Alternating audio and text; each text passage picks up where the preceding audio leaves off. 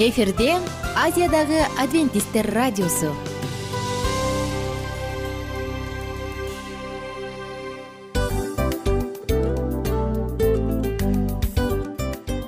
Достор салют. Баардык сүйүктүү угармандарыбызга салам айтабыз. Кутман күнүңүздөр менен.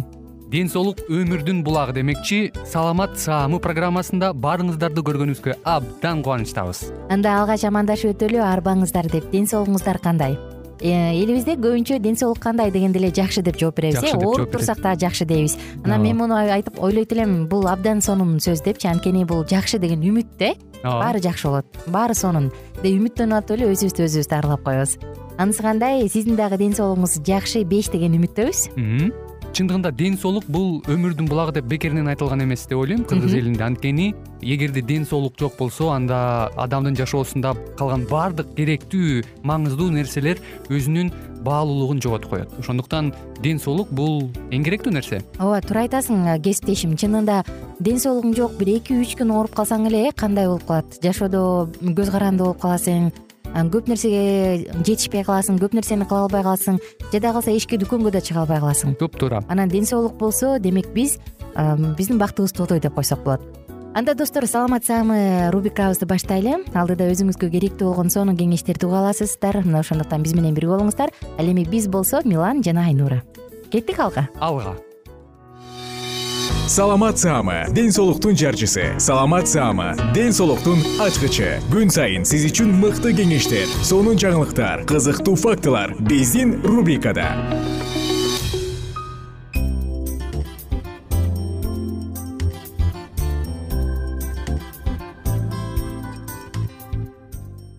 салют достор. Жалпы биздин сүйүктүү угармандарыбыз менен амандашканыма кубанычтамын. Жана кайрадан сиздер менен саламат саама рубрикасы бүгүнкү темабыз коктейлдер деп аталат. Саламат демек ден соолуктун камын көрөбүз. Демек ашканага демек жашоо образыбызга демек ден соолукка көңүл бурабыз. Аты жөнүм айнура миназарова. Бүгүн сиздер менен коктейлдер жөнүндө сөз кылалы деп турабыз достор. Негизи көптөгөн коктейлдер алкоголдук алкоголдун негизинде жасалат э анан алкоголь албетте адамдын ден соолугуна абдан чоң зыян тийгизет. Бирок алардын жакшы альтернативасы бар бар бул алкоголсуз коктейлдер мына дал ушул алкоголсуз коктейлдердин пайдалуу ингредиенттеринин негизинде алардын даамы жагымдуу жана албетте пайдалуу жактары дагы артыкчылыктары дагы абдан зор бүгүн сиздер менен дал ушул пайдалуу коктейлдерди кантип жасаса болот. Мына ушул жөнүндө сөз кылалы деп турабыз.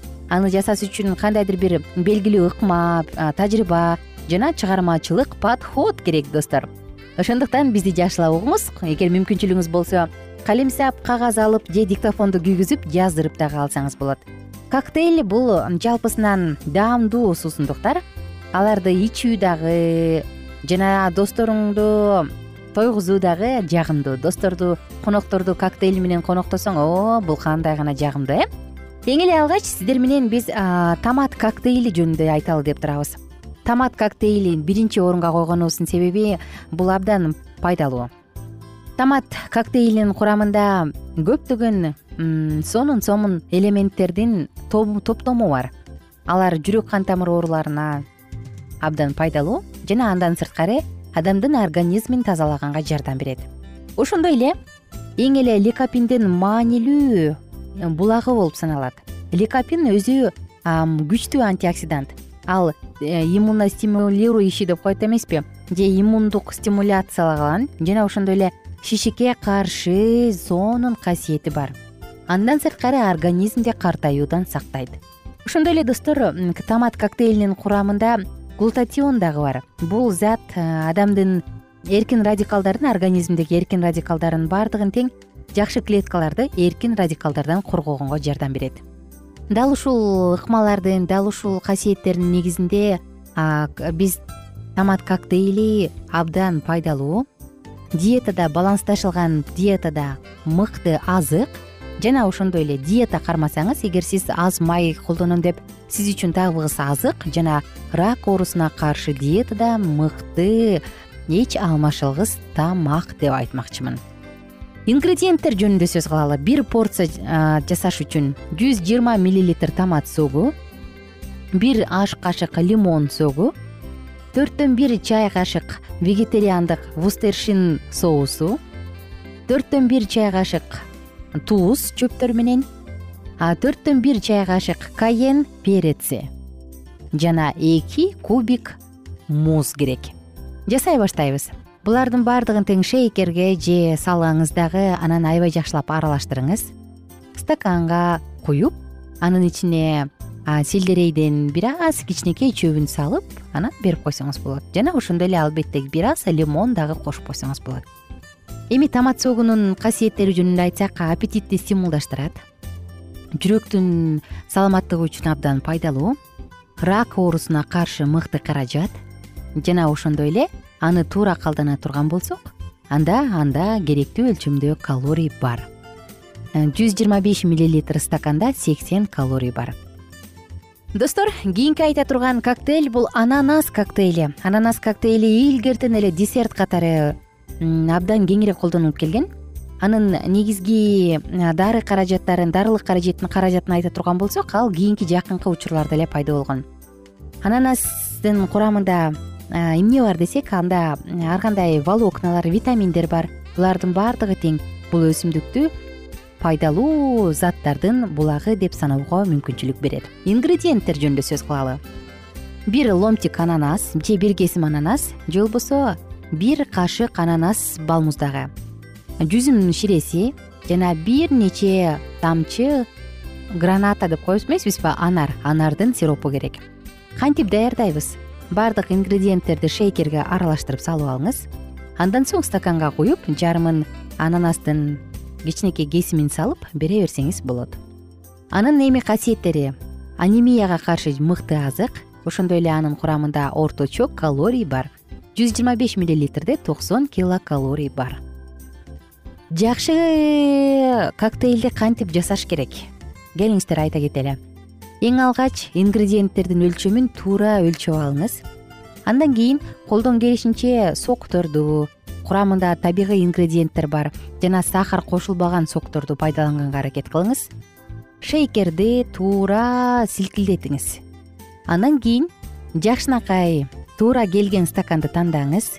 Андан соң стаканга куюп ар кандай үстүн кооздоодон мурун аны муздатып алыңыз. Стакандын чет жактарын дагы кооздоңуз анан дал ушул баардыгын тең кооздош үчүн баардыгын жакшынакай кылып дасторконго жагымдуу коюш үчүн анын үстүн сервировка кылып койсоңуз болот. Сервировка кылганда жашылча чөптөрдү колдонсоңуз болот же фруктыларды колдонсоңуз болот.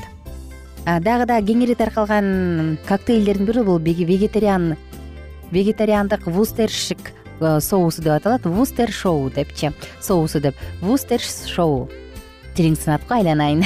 Бул соус англияда өтө кеңири таркалган. Ошондуктан эгерде сиз кайсы бир коктейлге ушундай вегетариандардын вустер соусун кошом десеңиз анда бул азыкты да колдонсоңуз болот. Ал үчүн сизге болгону жарым чай кашык алма уксусу эки аш кашык соя уксусу эки аш кашык суу бир чай кашык күрөң кумшекер бир чай кашык имбирдин порошогу төрттөн бир чай кашык төрттөн бир бөлүгү кургак горчица төрттөн бир бөлүк чай аш кашыгынын аш пияздын порошогу жана чесноктун порошогу керек.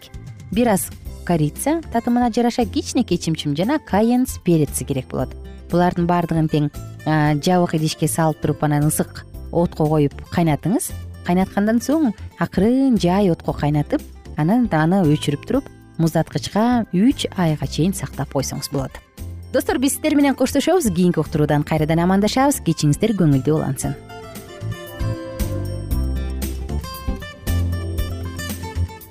Кененирээк маалыматтар үчүн үч w чекит саламат чекит клуб сайтына келип таанышыңыздар. Жана андан тышкары социалдык тармактарда youtube facebook жана instagram баракчаларына катталыңыз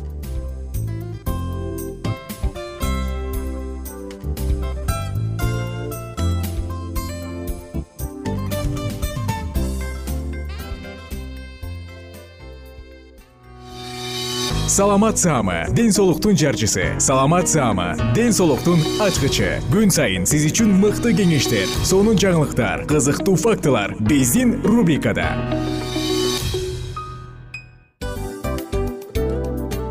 Салам достор. Кайрадан биздин сүйүктүү рубрикабызга кош келиңиздер деп айтмакчыбыз.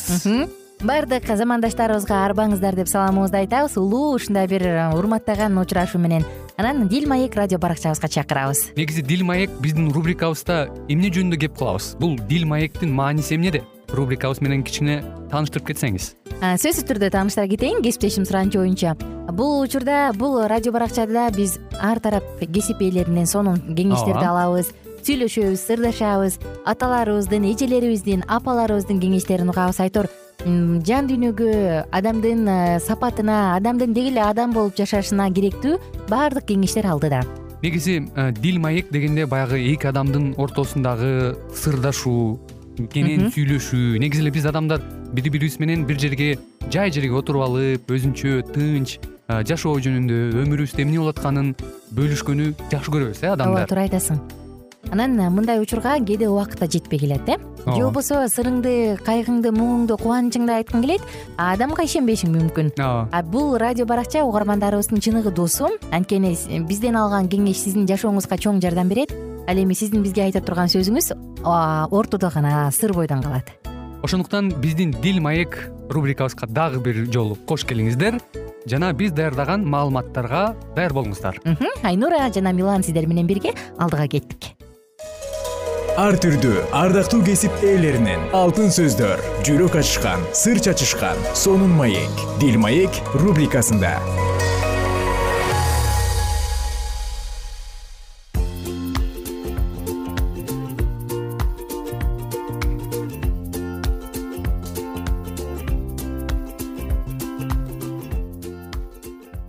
саламатсыздарбы кымбаттуу жана биздин сымбаттуу досторубуз сиздер менен бирге дил маек уктуруусундабыз жана бүгүнкү тема баланын төрөлө электеги абалы. Баланын төрөлө электеги абалы. Тыңдап жатканыңыз дил маек уктуруусунун алкагында бактылуу үй бүлө деп аталган цикл жана сиздер менен бирге бактылуу үй бүлөнүн рецептери менен бөлүшүүнү улантабыз достор.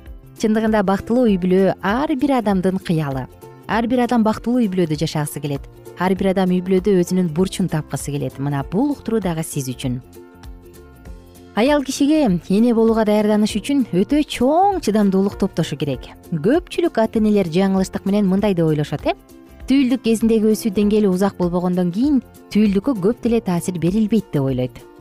Адамдардын көңүл көтөрүүсү жана ынталуулугу негиздерге баш ийип туруусу керек болочоктогу энелерге качууга туура келүүчү буюмдар бар. Эгерде ал баласынын төрөлүүсүнө тийиштүү кудайдын каалоосун аткаргысы келсе анда кайсы бир нерселерден качышы керек?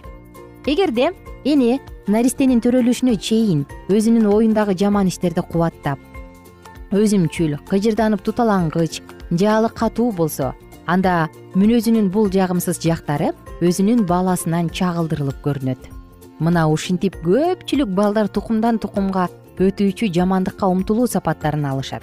Бирок эгерде аял адам чыдамдуу жана курбан кылуучулуктун рухун колдоп мээримдүү назик керт башынын камын ойлобогон болсо анда ал өз балдарына бул өтө кымбат мүнөздүн сапаттарын бере алат. Болочоктогу эненин айланасын өтө жогору көңүл буруучулук менен жагымдуу жана кубанычтуу кылууга аракеттениши керек. Эр адамга жубайынын жана эненин ооругун жеңилдетиш үчүн болгон күч аракетин колдонуп алар үчүн баарын жасоочу өтө маанилүү жоопкерчилик берилген. Ал мүмкүн болушунча жубайын турган ордунда жардам берип колдоосу керек. Эр адамга эркекке жайдары мээримдүү боорукер сылык жана өзгөчө жубайынын бар муктаждыгына көңүл буруучу болушу абдан зарыл. Эми тамакка байланыштуу адепсиздиктер жөнүндө айтсак мындай бир көрүнүш бар э? Аялдарга боюнда болгон учурда көңүлүнө эмне туура келип жегиси келсе ошону жей бериши керек. Бул жаңылыштык жана үрп адатка негизделген ден соолуктун пайдасы үчүн эмес. Боюнда бар аялдын тамак жегиси келүүсү өзгөрүлүүчү жана кандырууга кыйын үрп адаттын койгон шарттары аны баардыгын ойлобостон жей берүүгө үйрөтөт. Ушундай тамак ашка ал баягы тамакка аш болуп анын баласынын өсүшүнө жардам бере алабы деген суроо туулат тамак аш болумдуу болушу керек бирок сезимге таасир кылуучу эмес. Аялдар боюнда болгон учурларында жөнөкөй тамакка муктаж жана колдонулган тамактын сапаты тууралуу өзгөчө күч жумшашы керек. Ушул негиздердин жетегинде болгон жана кабары бар аялдар башка учурдагыдай эле боюнда бар учурунда дагы жөнөкөй тамактар менен тамактануудан баш тартышпайт. Алар болочоктогу балдарынын өмүрү аларга байланыштуу экендигин билишет жана башка өздөрүнүн көнүмүш адеттерине кунт коюп карашат өзгөчө тамак ашка алар тамакты даамы жакшы болгондуктан гана жешпейт. Саламаттыгындын көз карашында кылбай турган нерселерди кылууга үндөочү көп деген кеңешчилер дагы табылат э? Ай жей бер ай эмне болмок эле? Эчтеке болбойт дегендер да аябай көп. Көпчүлүк балдар болочоктогу энелердин аппетиттерин кубаттагандыгынан оорукчан болуп төрөлүп калышат тилекке каршы. Аялдар денелик каалоолорун көңүл буруусуз калтырып коюусу керек эмес. Ал эки өмүрдүн милдетин алып барат анын каалоолоруна кунт коюу менен көңүл буруп жана анын талаптарын канагаттандыруу керек.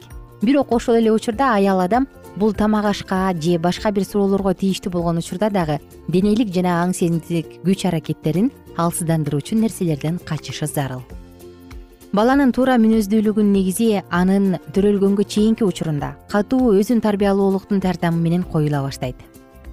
Ички түзөтүү жөнүндө айтсак эне эне болууга даярданган ар бир аял адам жагдайына карабастан ар дайым кубанычтуу рухтун тынчтыгында жайгашуусуна даяр болушу керек. Бул багыт боюнча жумшаган өзүнүн баардык аракети ден соолугунун сактыгы жана өзүнүн баласынын токтоо жана тең салмактуу мүнөзү менен эң чоң сыйлыкка ээ болот.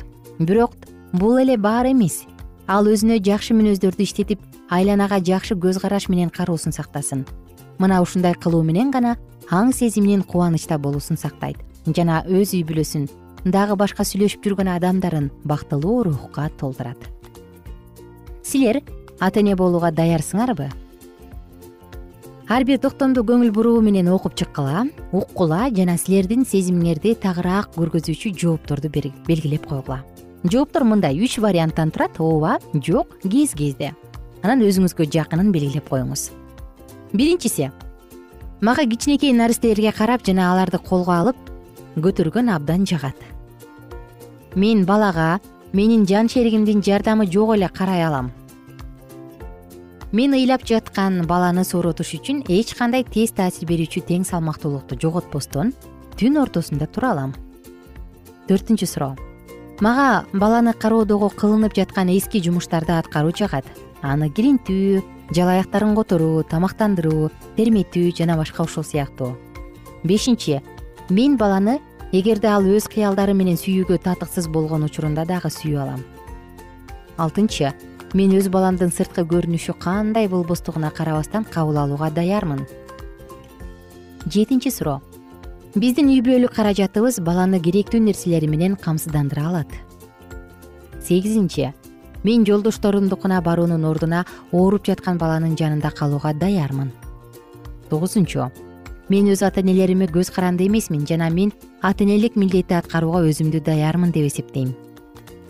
Онунчу мен эми мурда экөөбүзгө гана тийиштүү болгон убакытты бала кармап коерун моюндайм жана керектүү учурда бул убакыттарды өз ыяктары ыктыярым менен кыюуга даярмын.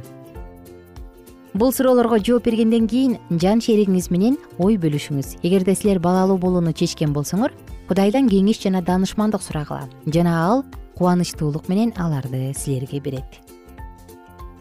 Достор эне баягы сонун сөз бар эмеспи э кичинекей баласын көтөрүп барып мына биз баланы кантип тарбиялашыбыз керек эми? Балалуу болдук айтыңызчы. Мен боюмда бар кезинде эле аны тарбиялап баштагам дегенде акылман айтыптыр да сиз кечигиптирсиз балалуу болгончокто эле өзүңүздү тарбиялашыңыз керек болчу деп. Анысы кандай адам өзүн тарбияласа анда баланы дагы тарбиялаганга күчү болот экен ар бир үй бүлөдө төрөлгөн наристелер бактылуу болсун деген тилек менен саатыбызды жыйынтыктайбыз. Бар болуңуздар достор.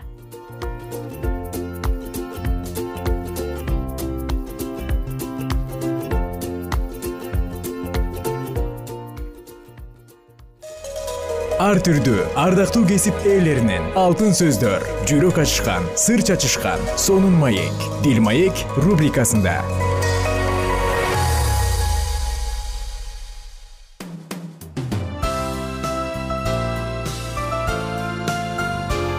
эфирде азиядагы адвентисттер радиосу.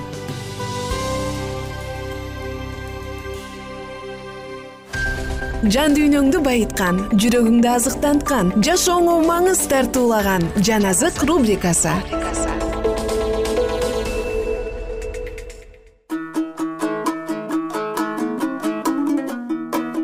арбаңыздар кадырлуу замандаштар жалпы биздин сүйүктүү угармандарыбыз кайрадан жыштыктан үн алышып бүгүнкү жан азык рубрикасын баштаганга мүмкүнчүлүк бар экени үчүн дагы ыраазычылык айтабыз. Жана жалпыңыздарды жыштыгыбыздан тосуп алганыма абдан кубанычтамын. Жан азык рубрикасы эсиңизде болсо биз бир нече уктуруулардан бери лука жазган жакшы кабарды окуп жатабыз. Бүгүн дагы дал ушул инжил китебинен орун алган лука жазган жакшы кабар китебин улантабыз он сегизинчи бөлүм отуз бешинчи аяттан баштап. Ыйса жерихо шаарына келе жатты. Жол боюрунда бир сокур адам кайыр сурап олтурган эле. Өзүнүн жанынан көп кишилердин өтүп бара жатканын уккан ал эмне болуп жатат? деп сурады. Ага назареттик ыйса өтүп бара жатат деп жооп беришти. Ошондо сокур адам ыйса дөөттүн уулу мага ырайым кыла көр деп кыйкырды алдыда келе жаткандар анын унчукпай калуусун талап кылышты. Бирок ал дөөттүн уулу мага ырайым кылчы! деп мурункудан дагы катуу кыйкырды. Ыйса токтоп аны өзүнө алып келүүнү буйруду. Сокур адам жакын келгенде ыйса андан менин эмне кылышымды каалайсың? деп сурады. Ал ага теңир менин көзүм көрсө экен деди. Ошондо ыйса ага көзүң көрсүн сени ишенимиң куткарды деди ошол замат анын көздөрү көрө баштады. Ал кудайды даңктап ыйсаны ээрчип жөнөдү муну көргөн бүт эл да кудайды даңктады. Лука жазган жакшы кабар он тогузунчу бөлүм. Ыйса жерихо шаарынан кирип аны аралап бара жатты. Ал жерде салык жыйноочулардын башчысы закай деген бай киши бар эле. Ал ыйсаны көргүсү келди бирок бою кыска болгондуктан көпчүлүктүн арасынан аны көрө албай койду. Ошондо ал ыйсаны көрүш үчүн чурукка барып өтө турган жолдун боюндагы анжыр дарагына чыгып алды. Ыйса ошол жерге келгенде жогору карап закай тезирээк түш мен бүгүн сенин үйүңдө болушум керек деди. Закай дарактан шашып түшүп аны үйүнө кубаныч менен кабыл алды. Муну көргөндөрдүн бардыгы ал күнөөкөр адамдын үйүнө кирди деп күңкүлдөй башташты. Закай болсо ордунан туруп ыйсага теңир мен мал мүлкүмдүн жарымын жакырларга таратып берем. Эгерде кимдир бирөөнү алдап акысын жеген болсом төрт эсе кайтарып берем деди. Ошондо ыйса бүгүн бул үйгө куткарылуу келди. Анткени бул адам да ыбрайымдын урпагы. Анткени адам уулу жоголгонду издеп таап куткаруу үчүн келген деди угуп олтургандарга ыйса үлгү насаат аңгеме да айтты. Анткени ыйса иерусалимге жакын калгандыктан алар жакында кудайдын падышачылыгы келет деп ойлоп жатышкан. Ошондуктан ал муну айтып берди. Бир ак сөөк адам падышачылыкка дайындалып келиш үчүн алыскы бир өлкөгө жөнөлмөкчү болот. Ал өзүнүн он кулун чакырып алып аларга он мина берип мен кайтып келгенче бул акчаны айландыргыла дейт. Жердештери болсо аны жек көргөндүктөн артынан элчилерди жиберип анын бизге падыша болушун каалабайбыз деп айттырышат. Бирок ал падышачылыкка дайындалып кайтып келет. Берип кеткен күмүшү менен ким канча пайда тапканын билиш үчүн ал кулдарын чакырат. Ошондо биринчиси келип кожоюн сенин минаң менен он мина пайда таптым дейт. Падышага жарайсың жакшы кул аз нерсеге ишенимдүү болгонуң үчүн он шаарга башкаруучу болосуң дейт. Экинчиси келип кожоюн сенин минаң менен беш мина пайда таптым дейт. Падыша ага да сен да беш шаарга башкаруучу болосуң дейт.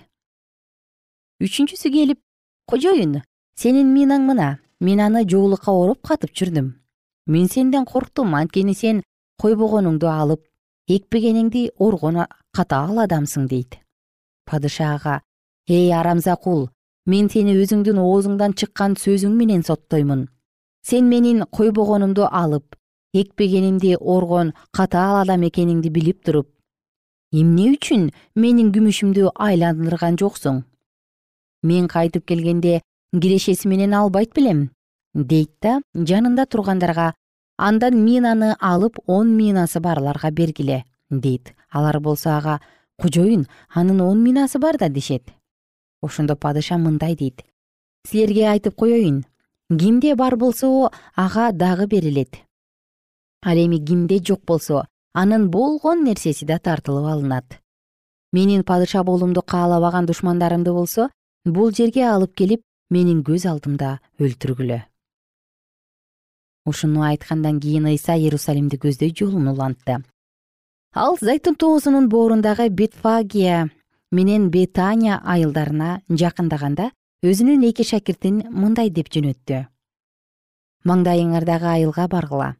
Айылга киргенде эч бир адам мине элек байлануу турган кодикти табасыңар. Аны чечип мага алып келгиле. Эгерде бирөө силерден кодикти эмнеге чечип жатасыңар? деп сураса бул теңирге керек дегиле.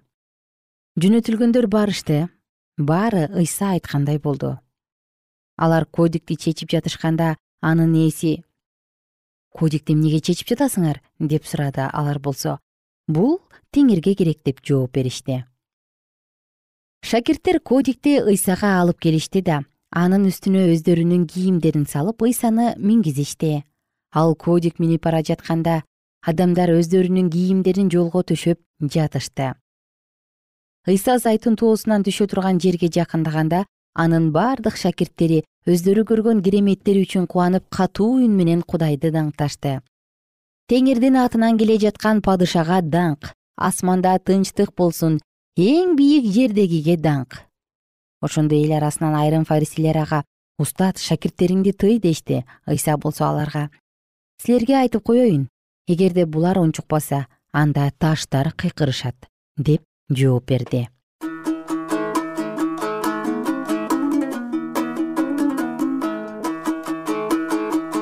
Кымбаттуу достор сиздер менен убактылуу коштошобуз. Кийинки уктуруудан бул окуяны андан ары эмне болгондугу тууралуу окуйбуз. Ага чейин жалпыңыздарга кааларым көңүлдүү күн. Кайрадан амандашканча сак саламатта туруңуздар. Бар болуңуздар достор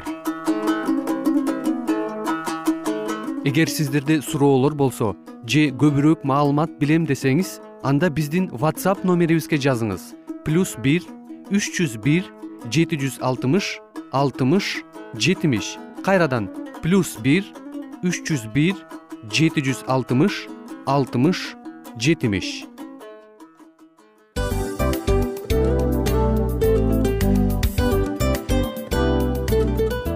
достор биздин радио баракчаларыбыз соңуна келди. Демек бул программабызды дагы жыйынтыктаочу келдик. Учурга келдик. Анан кесиптешимден сурагым келип турат. Негизи эле иштин башталып атканы кубандырабы сени же жыйынтыгы кубандырабы албетте жыйынтыгы. Себеп дегенде сен кылган ишиңдин жыйынтыгын көрүп э, баягы мөмөсүн көрүп дегендей жыргайсың жүрөгүң жемишинен татып э? Кандай даамдуу деп. Баягы буудай сепкенде эмес буудай эгинди жыйнагандан кийин ысык нанды жегенде кадимкидей ырахаттанасың го? Ой айтпа туура айта кеттиңиз. Сонун салыштыруу болду анан мен дагы абдан кубанып турам анткени биз угармандарыбыз үчүн аябай эмгектенип келген уктуруубуздун соңуна келип калдык. Анан эми э, уктуруубуздун соңунда угармандар кандай пайда алып калды экен деп күтүп турам да. Балким э, менин жашоомо өзгөрүү киргизе турган сонун сөздөр болду. Мен ушул нерсени изилдеп анан кабыл албасам ушул нерсени кылбасам деген чечим чыгарсаңыз анда биз абдан кубанычтабыз. Сөзсүз түрдө андыктан кийинки биздин кызыктуу уктурууларыбыздан көрүшкөнчө сак саламатта калыңыздар. Чыдамсыздык менен сиздерди мен милан жана кесиптешим айнура күтөбүз. Баардык угармандарыбызга ийгиликтүү күн каалайбыз. Качан гана болбосун уртуңуздан жылмаюу кетпесин үйүңүздө көмүр жүрөгүңүздө көңүл болсун дейли